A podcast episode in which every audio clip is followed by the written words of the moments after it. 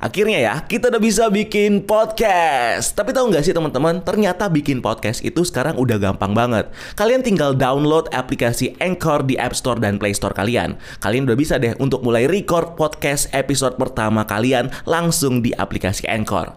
Bahkan kalian juga bisa edit podcast kalian langsung loh. Di aplikasi Anchor, podcast kamu bakal didistribusikan ke podcast streaming platform seperti Spotify, Apple Podcast, dan masih banyak lagi. Dan yang pasti, gratis. So you download aplikasi Anchor di App Store dan Play Store kalian atau kunjungi www.anchor.fm. Selamat bikin podcast. Film ini akhirnya tayang setelah bioskop di Indonesia buka dan tentunya nggak mengecewakan ya guys ya. Shang-Chi and the Legend of the Ten Rings ngasih kita cerita dan sisi baru dari superhero-nya yang kental banget sama action bela diri kungfu dan tai chi dan juga cerita yang relate dengan keluarga. Ada banyak detail yang perlu banget buat kita bahas, banyak juga pertanyaan-pertanyaan yang muncul dari film ini, yang tentunya tentang post credit scene-nya. Tapi sebelumnya, spoiler warning dulu buat kalian yang belum nonton film ini, karena setelah ini yang bakal kalian dengar adalah plot dan ending dari ceritanya. Resiko ditanggung sendiri ya. Dan kalau udah siap buat spoiler, welcome to Breakdown Channel Universe bareng gue Rian. Langsung kita bahas ending dan post credit scene Shang-Chi and Legend of the Ten Ring.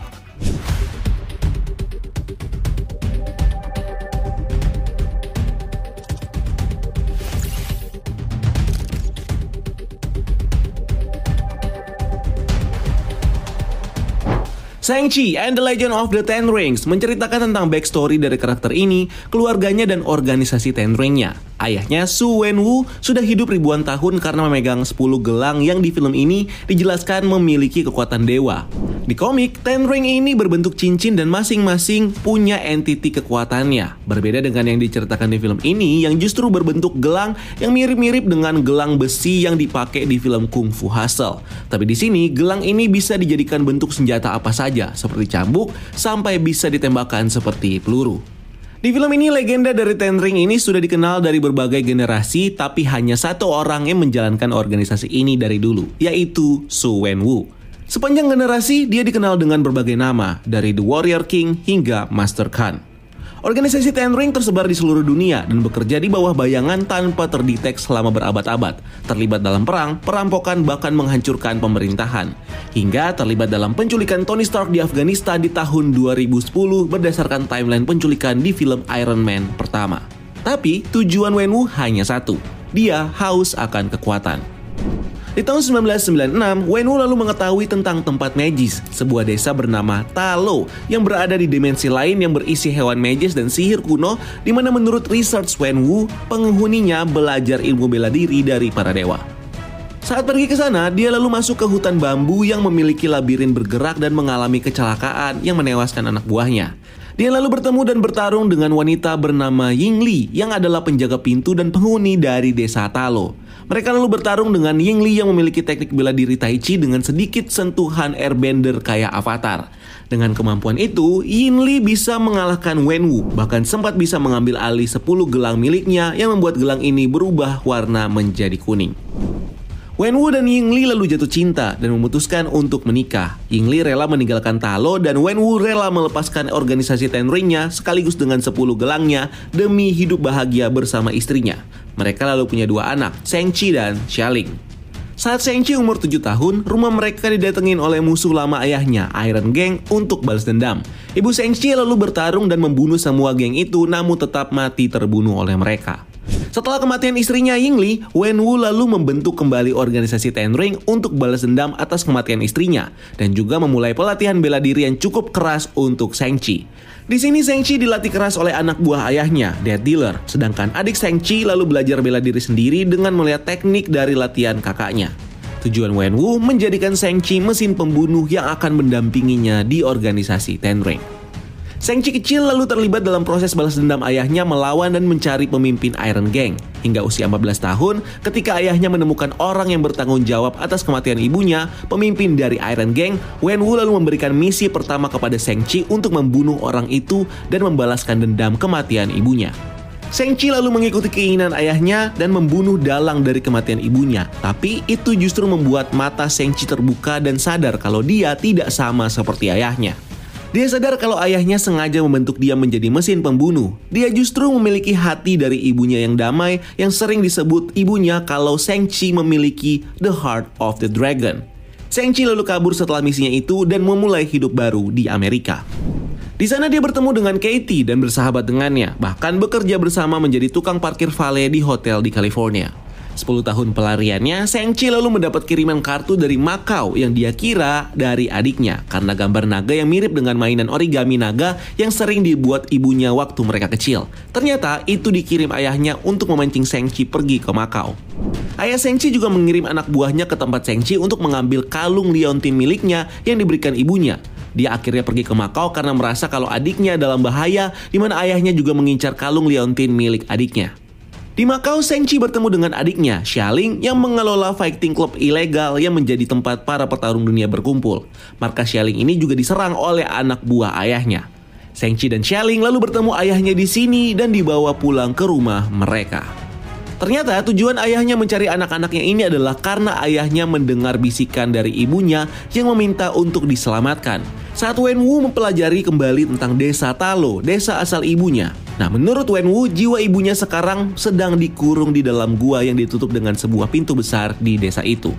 Wenwu berencana untuk masuk ke Talo secara paksa. Dia menemukan celah untuk menembus desa itu dengan menggunakan kalung liontin anak-anaknya yang ternyata adalah kunci untuk membuka petunjuk peta menuju Talo dan jalur khusus melewati labirin bergerak di hutan bambu yang hanya terbuka satu tahun sekali. Misi Wenwu untuk membebaskan jiwa ibunya yang ditahan di sana dan membangkitkannya kembali. Tidak suka dengan rencana ayahnya yang ternyata juga berniat menghancurkan desa ibunya kalau penduduk desa melawan. Shang-Chi dan Xialing lalu melawan ayahnya dan lalu mereka bertiga ditahan di dalam penjara. Di penjara mereka bertemu dengan Trevor Slattery, aktor yang ditunjuk Aldrich Killian untuk berperan sebagai Mandarin di film Iron Man 3 untuk menebar teror dan menyerang Tony Stark yang ternyata ditahan ayahnya karena mengambil nama dan organisasinya. Quick callback, ini adalah sambungan dari film Marvel One Shot berjudul All Hail the King yang nunjukin si Trevor Slattery yang disamper sama agent Ten Ring di penjara yang menyamar sebagai orang dari media yang bernama Jackson Norris yang ingin mewawancarai Trevor. Orang ini lalu membawa Trevor ke markas Wenwu dan ditahan di penjara ini. Trevor ternyata bisa berinteraksi dengan salah satu hewan magis tanpa muka yang dijuluki Chicken Pig. Ini adalah hewan magis dari Talo dan diberi nama oleh Trevor dengan panggilan Morris. Nah, Morris ternyata tahu cara untuk pergi ke Talo tanpa harus menunggu jalur labirin yang terbuka satu tahun sekali. Mereka lalu kabur dari penjara ayahnya dan langsung menuju ke hutan babu untuk menembus masuk ke desa Talo. Mereka melewati portal yang menembus dimensi luar dan tiba di desa ini. Di desa Talo mereka lalu disambut oleh tante mereka bernama Yingnan, saudari kandung dari ibunya. Sengchi, Katie, dan adiknya lalu di sini diajarkan tentang desa Talo oleh tantenya ini. Di mana kekuatan dari warga desa ini, baik ilmu bela diri dan senjatanya datang dari seekor naga yang dipanggil dengan nama The Great Protector. Di mana The Great Protector dalam legendanya adalah naga yang berhasil melindungi Talo dan universe dunia manusia dari serangan monster yang dipanggil dengan nama Dweller in Darkness yang menyerang Talo yang saat itu adalah kota yang maju namun dihancurkan oleh monster ini. Setelah kekalahan dari Dwellers in Darkness, The Great Protector mengurung monster ini di sebuah gua dan sejak saat itu, para warga Talo bertugas untuk menjaga pintu dari gua ini. Banyak orang yang datang dan mencoba menyerang Talo untuk membuka pintu gua itu karena mereka mendengar suara bisikan yang menjanjikan keinginan terdalam mereka dan Wenwu adalah salah satu korbannya yang mendengar suara dari istrinya.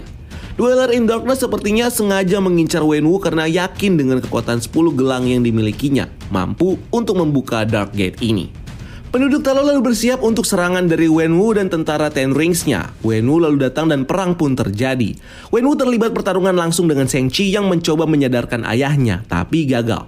Ayahnya lalu berhasil mengalahkan Shang Chi dan lalu terlempar dan tenggelam di Danau Talo. Wenwu lalu mencoba membuka Dark Gate dengan kekuatan Ten Rings-nya dan membuat Dwellers dan para minion satu persatu lolos dan mencoba mengambil jiwa dari manusia untuk memberikan energi kepada masternya yang bentuknya lebih besar. Shang-Chi di dalam danau lalu bertemu dengan naga The Great Protector yang lalu membantu melawan tentara Monster Dweller. Shang-Chi lalu kembali melawan ayahnya dan ternyata berhasil mengambil alih gelang-gelang ayahnya namun menolak menggunakannya untuk menyerang ayahnya ini dan mencoba lagi menyadarkan ayahnya.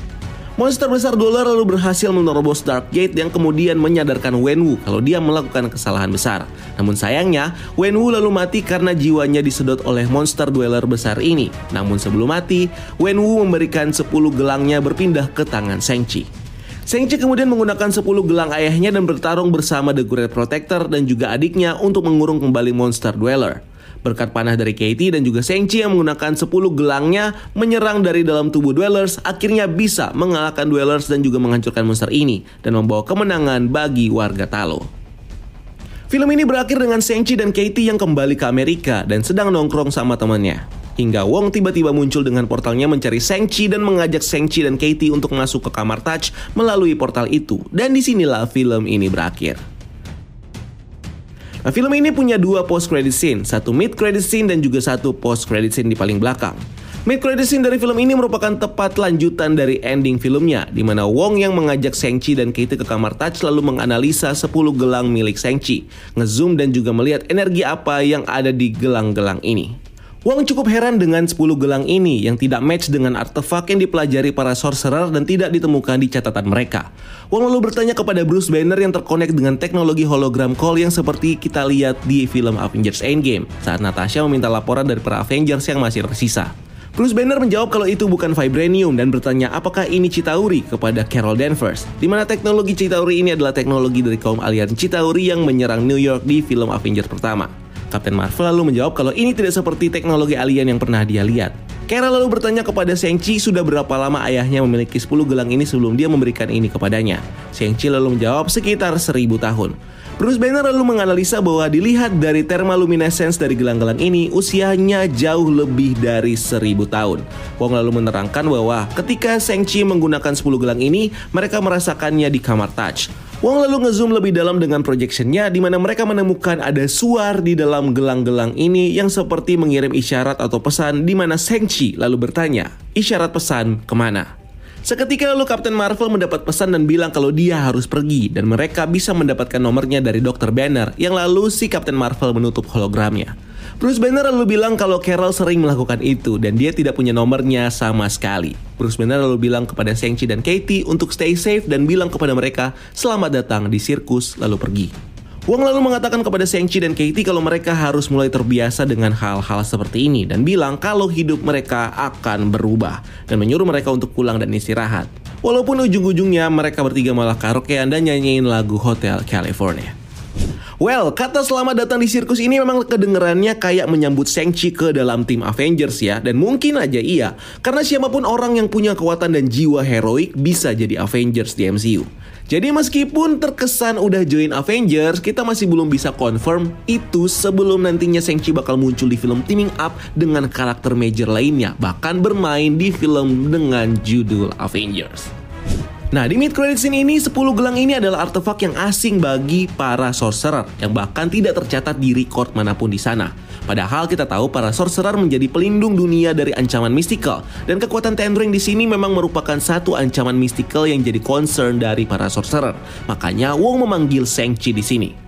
Wong yang bingung dengan kekuatan ini tentunya meminta Bruce Banner untuk membantunya menganalisa artefak ini karena mungkin saja ini merupakan benda hasil dari scientific atau produk science dan meminta Captain Marvel yang memang banyak tahu tentang energi-energi alien tapi mereka berdua tidak bisa menganalisa lebih jauh tentang 10 gelang ini kecuali dua hal.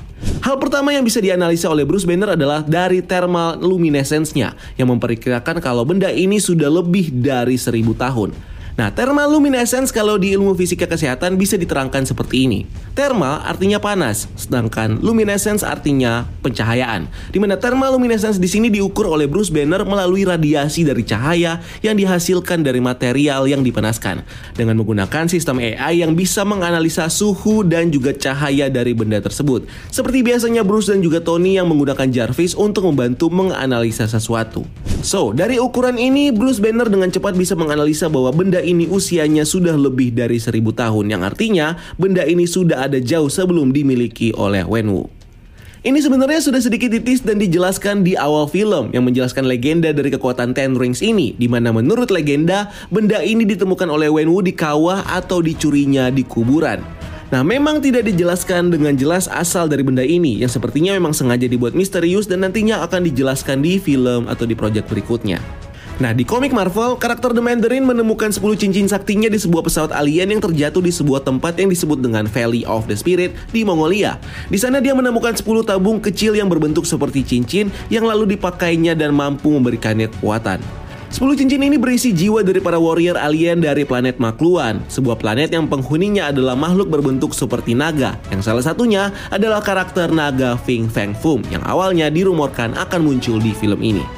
Nah, bisa aja dengan backstory yang masih misterius tentang 10 gelang ini, referensi dari komik ini akan dipakai untuk menjelaskan asal-usulnya. Dan sinyal yang dikirimkan oleh gelang-gelang ini bisa saja menuju planet asalnya, yaitu Maklu, bahkan ke naga Fing Fang Fum. Tapi kalau kita tahu Marvel banyak mengubah cerita dari entity dan karakternya di MCU yang jauh berbeda bahkan digabung-gabungkan dengan karakter atau entity lainnya di MCU. Jadi tentunya nggak akan mirip kayak di komik ya, bahkan akan lebih besar dari itu. So, kepada siapa sinyal dari 10 ring ini dikirim?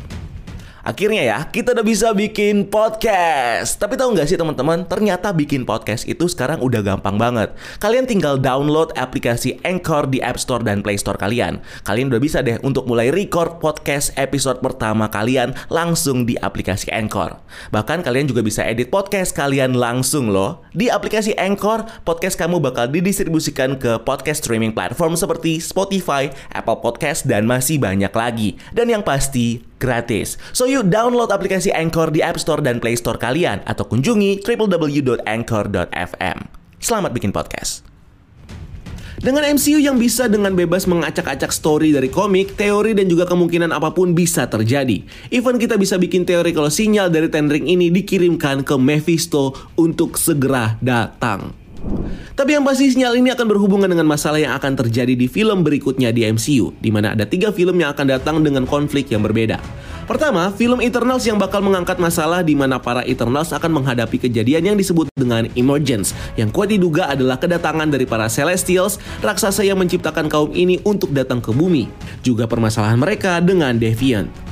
Kedua, Spider-Man No Way Home dan juga Doctor Strange in the Multiverse of Madness yang sama-sama akan mengangkat masalah tentang multiverse dan multiverse juga bisa kita lihat dengan jelas proses pecahnya di series Loki. Ketiga masalah yang sebenarnya nggak begitu major tapi krusial, di mana adanya karakter Valencia Allegra atau Val yang memainkan perannya merekrut super superhero versi dia, di mana dia muncul di post credit scene The Falcon and Winter Soldier dan juga di Black Widow. Nah, dari ketiga masalah ini, yang mana yang bakal connect dengan post credit scene dari film ini? Dengan hadirnya Wong dan keterlibatan Kamar Touch di sini, tentunya gampang banget untuk mengira kalau ini bakal connect dengan film Doctor Strange in the Multiverse of Madness dan mungkin akan connect juga dengan Spider-Man No Way Home, yang artinya ada hubungan dengan multiverse. Apakah Ten Ring ini mengirimkan sinyal untuk Kang the Conqueror?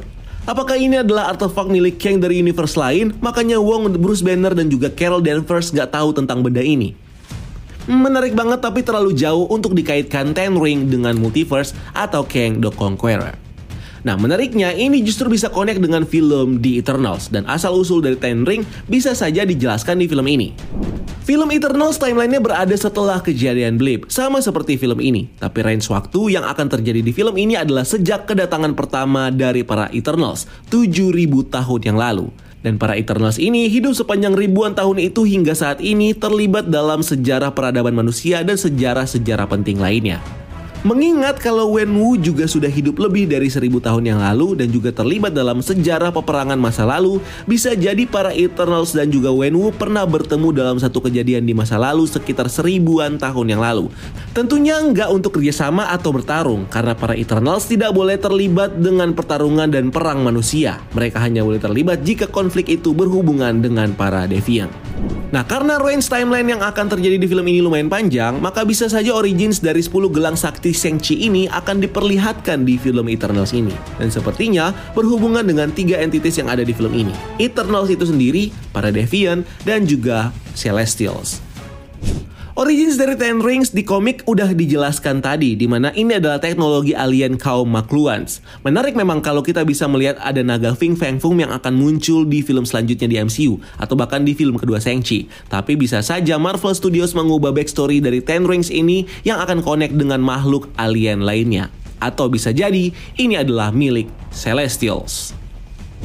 Nah, 10 gelang ini mungkin adalah teknologi atau senjata atau device milik Celestials yang mungkin tercecer atau terbuang saat proses penciptaan Eternals dan Deviant di bumi. Benda ini lalu ditemukan oleh Wenwu yang akhirnya memberikannya kekuatan dan immortality atau umur yang panjang. Ini karena teknologi penciptaan dari Celestials memang mampu memberikan keabadian seperti kepada Eternals dan Deviant. Makanya efek yang sama juga akan didapatkan oleh pengguna 10 gelang ini. Dan suara isyarat atau beacon yang dikirim dari dalam gelang ini adalah sinyal kepada para Celestials. Di komik, para Eternals menggunakan teknologi dengan memancarkan sinyal atau beacon untuk berkomunikasi dengan para Celestials. Nah, sinyal beacon ini mungkin adalah hal yang sama yang diadaptasi di komik ini. Dan sinyal ini jelas untuk para Celestials. Makanya ini akan nyambung banget dengan konflik yang akan terjadi di film Eternals yang akan menghadapi kejadian Emergence. Yang mungkin saja salah satu pemicunya adalah sinyal ini. Tapi kenapa sinyal ini baru nyala dan dirasakan di kamar touch waktu dipakai sama Sengchi? Kenapa nggak nyala waktu dipakai selama ribuan tahun sama Wenwu? Well, untuk pertanyaan dan teori ini emang agak sulit ya buat dijawab. Nah, kalau kalian punya teori atau jawaban dari pertanyaan tadi, mungkin kalian bisa tulis kolom komentar di bawah. Tapi justru, ini bakal gue bahas menyambung ke teori yang kedua. Yaitu, ini adalah teknologi senjata dari para Deviant. Di komik diceritakan kalau setelah penciptaan Eternals dan Deviant, mereka saling bertarung di mana Deviant banyak menciptakan senjata-senjata canggih dengan tujuan untuk menaklukkan umat manusia. Senjata-senjata ini lalu dihancurkan oleh para Celestial saat kedatangan kedua kali mereka atau yang disebut dengan The Second Host. Nah, 10 senjata ini mungkin saja adalah senjata canggih yang diciptakan oleh Deviant dengan tujuan jahat. Namun saat senjata-senjata Deviant ini dihancurkan, 10 gelang ini mungkin tercecer atau disembunyikan sehingga tidak ikut dihancurkan. Saat Wenwu menggunakan 10 rings ini, hatinya haus akan kekuasaan. Dia lalu menggunakan 10 rings ini untuk membentuk tentaranya sendiri dan berperang demi kekuasaan dan juga aksi kejahatannya. Itulah kenapa saat Wenwu menggunakan 10 gelang ini tidak ada suar sinyal yang terpancar dari 10 cincin ini. Karena senjatanya digunakan sesuai dengan peruntukannya saat diciptakan oleh Deviant. Perubahan warna dari 10 rings ini juga menjadi petunjuk di mana saat Wenwu memakai gelang ini warna energinya biru sedangkan saat Sengchi bahkan ibunya waktu take over gelang ini terjadi perubahan warna menjadi warna kuning. Sebenarnya perubahan warna ini simpelnya untuk membedakan pemegangnya aja, tapi untuk ukuran Marvel, warna pasti ada artinya. Menurut Chinese Color Theory, biru merepresentasikan immortality atau keabadian, umur panjang dan kemajuan, sedangkan kuning dianggap sebagai sentral atau pusat dan juga power atau kekuatan. Yang tentunya bisa juga artinya seimbang atau balance dan keseimbangan juga lekat dengan konsepnya yin and yang. Nah pertanyaannya, kenapa gelang ini justru baru mengirim sinyal ketika dipegang sama Sengchi? Kenapa tidak sejak dipegang sama Wenwu selama berabad-abad? Artinya seperti terjadi kesalahan fungsi di gelang ini waktu dipegang sama Sengchi yang nyambung sama teori gue kalau Ten Rings ini diciptakan sama Deviant. Walaupun Sengchi bisa pakai senjata ini, tapi fungsinya yang digunakan untuk tujuan yang baik yang justru bikin senjata ini ngirim sinyal. Karena apa? Karena tidak sesuai dengan tujuan penciptaannya untuk hal yang jahat. Kecuali sinyalnya dikirimkan gelang ini justru kepada karakter yang baik atau protagonis dan tujuan jahat penggunaan senjata ini justru menutup sinyal ini. Makanya baru aktif ketika Sengchi yang megang karena hati Sengchi yang tergolong baik. Nah, ini yang ngarahin gue ke satu teori lagi tentang Ten Rings ini. Dan sebenarnya ini adalah teori yang paling gue suka. Di mana gelang Ten Rings ini mengirim sinyal ke pencipta gelangnya saat gelang ini dipakai sama orang baik. Sesuai dengan peruntukan penciptaan dari gelang ini, yaitu untuk tujuan yang baik. Yang mengarah ke satu karakter dan satu device yang mirip dengan gelang Ten Rings ini. Gelang Ten Rings ini mungkin adalah versi gabungan dari 10 cincin Ten Rings dengan satu senjata lagi dari komik Marvel, yang adalah Quantum Bands. Quantum Bands adalah sebuah device berbentuk gelang yang bisa digunakan untuk memanipulasi energi. Alat ini diciptakan oleh makhluk kosmik bernama Ion, yang menunjuk orang-orang untuk menjadi protector of the universe atau pelindung universe. Ya tau lah ya itu bahasa Inggris bahasa Indonesia doang tuh. Ion mempersenjatai Protector of the Universe dengan alat ini untuk menjadi lebih kuat menjalankan tugasnya.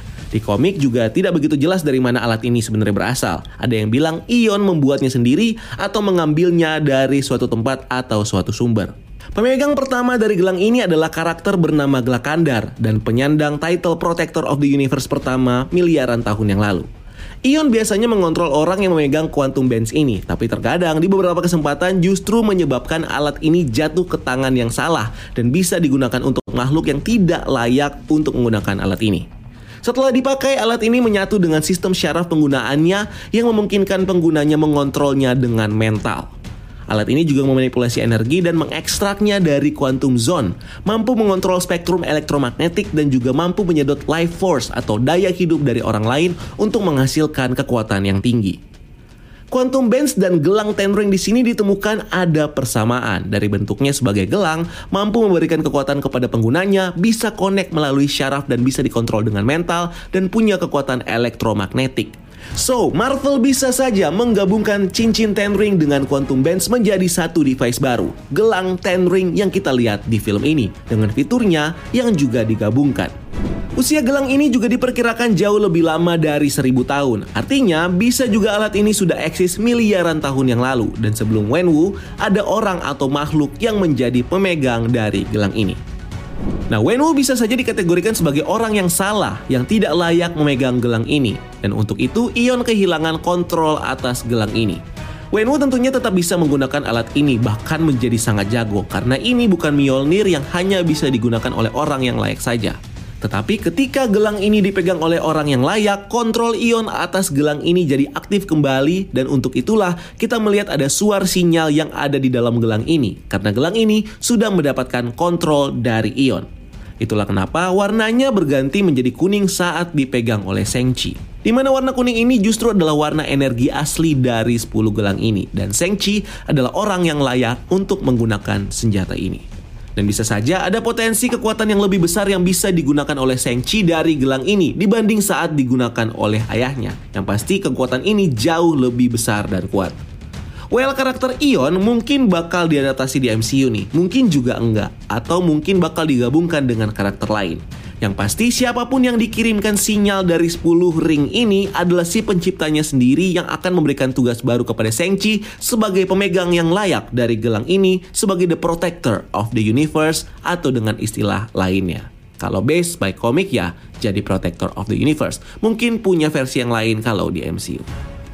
Well ini jadi pembahasan yang panjang sebenarnya untuk dianalisa, tapi teori-teori yang gue jelasin tadi bisa jadi asumsi awal untuk menjawab tentang sinyal yang dipancarkan sama Ten Rings ini. Kaum alien makluankah seperti di komik, Celestials, Deviant, atau si Ion ini? Nah, kalau kalian punya teori, silahkan tulis di kolom komentar di bawah. Tapi kita bakal lanjut di post credit scene yang kedua. Di post credit scene yang kedua, ini menunjukkan hal yang lebih simple, di mana organisasi Ten Ring sekarang dipimpin oleh Xialing setelah kematian ayahnya dan Shang Chi yang kembali ke kehidupannya di Amerika.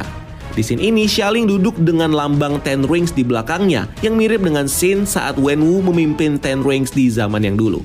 Perubahan besar terjadi di markas organisasi Ten Rings ini di mana tentara-tentara Ten Rings di bawah Xialing tidak lagi membedakan jenis kelamin seperti yang terjadi di bawah pimpinan Wen Wu yang hanya laki-laki aja yang dilatih. Di sini perempuan juga ikut berlatih dan setara dengan laki-laki. Dekorasi markas ini juga terjadi perubahan di mana terlihat lebih underground dan juga street dengan graffiti di dinding-dindingnya yang anak muda banget lah pokoknya. Pertanyaannya, apa yang akan dilakukan Xialing dengan organisasi Ten Rings ini? Jaringan organisasi Ten Rings sudah sangat settle dan memiliki jaringan di seluruh dunia, yang artinya organisasi ini sulit buat bubar. Shelling yang mengambil alih Ten Rings ini tentunya untuk tetap menjaga eksistensi dari organisasi ini, yang akan disesuaikan dengan tujuan pribadi dari Shelling sendiri. Dibanding dengan Shang-Chi, Xialing sebenarnya berharap untuk terlibat di Ten Ring waktu ayahnya hidup, bahkan berharap untuk diberikan peran di dinasti ayahnya ini.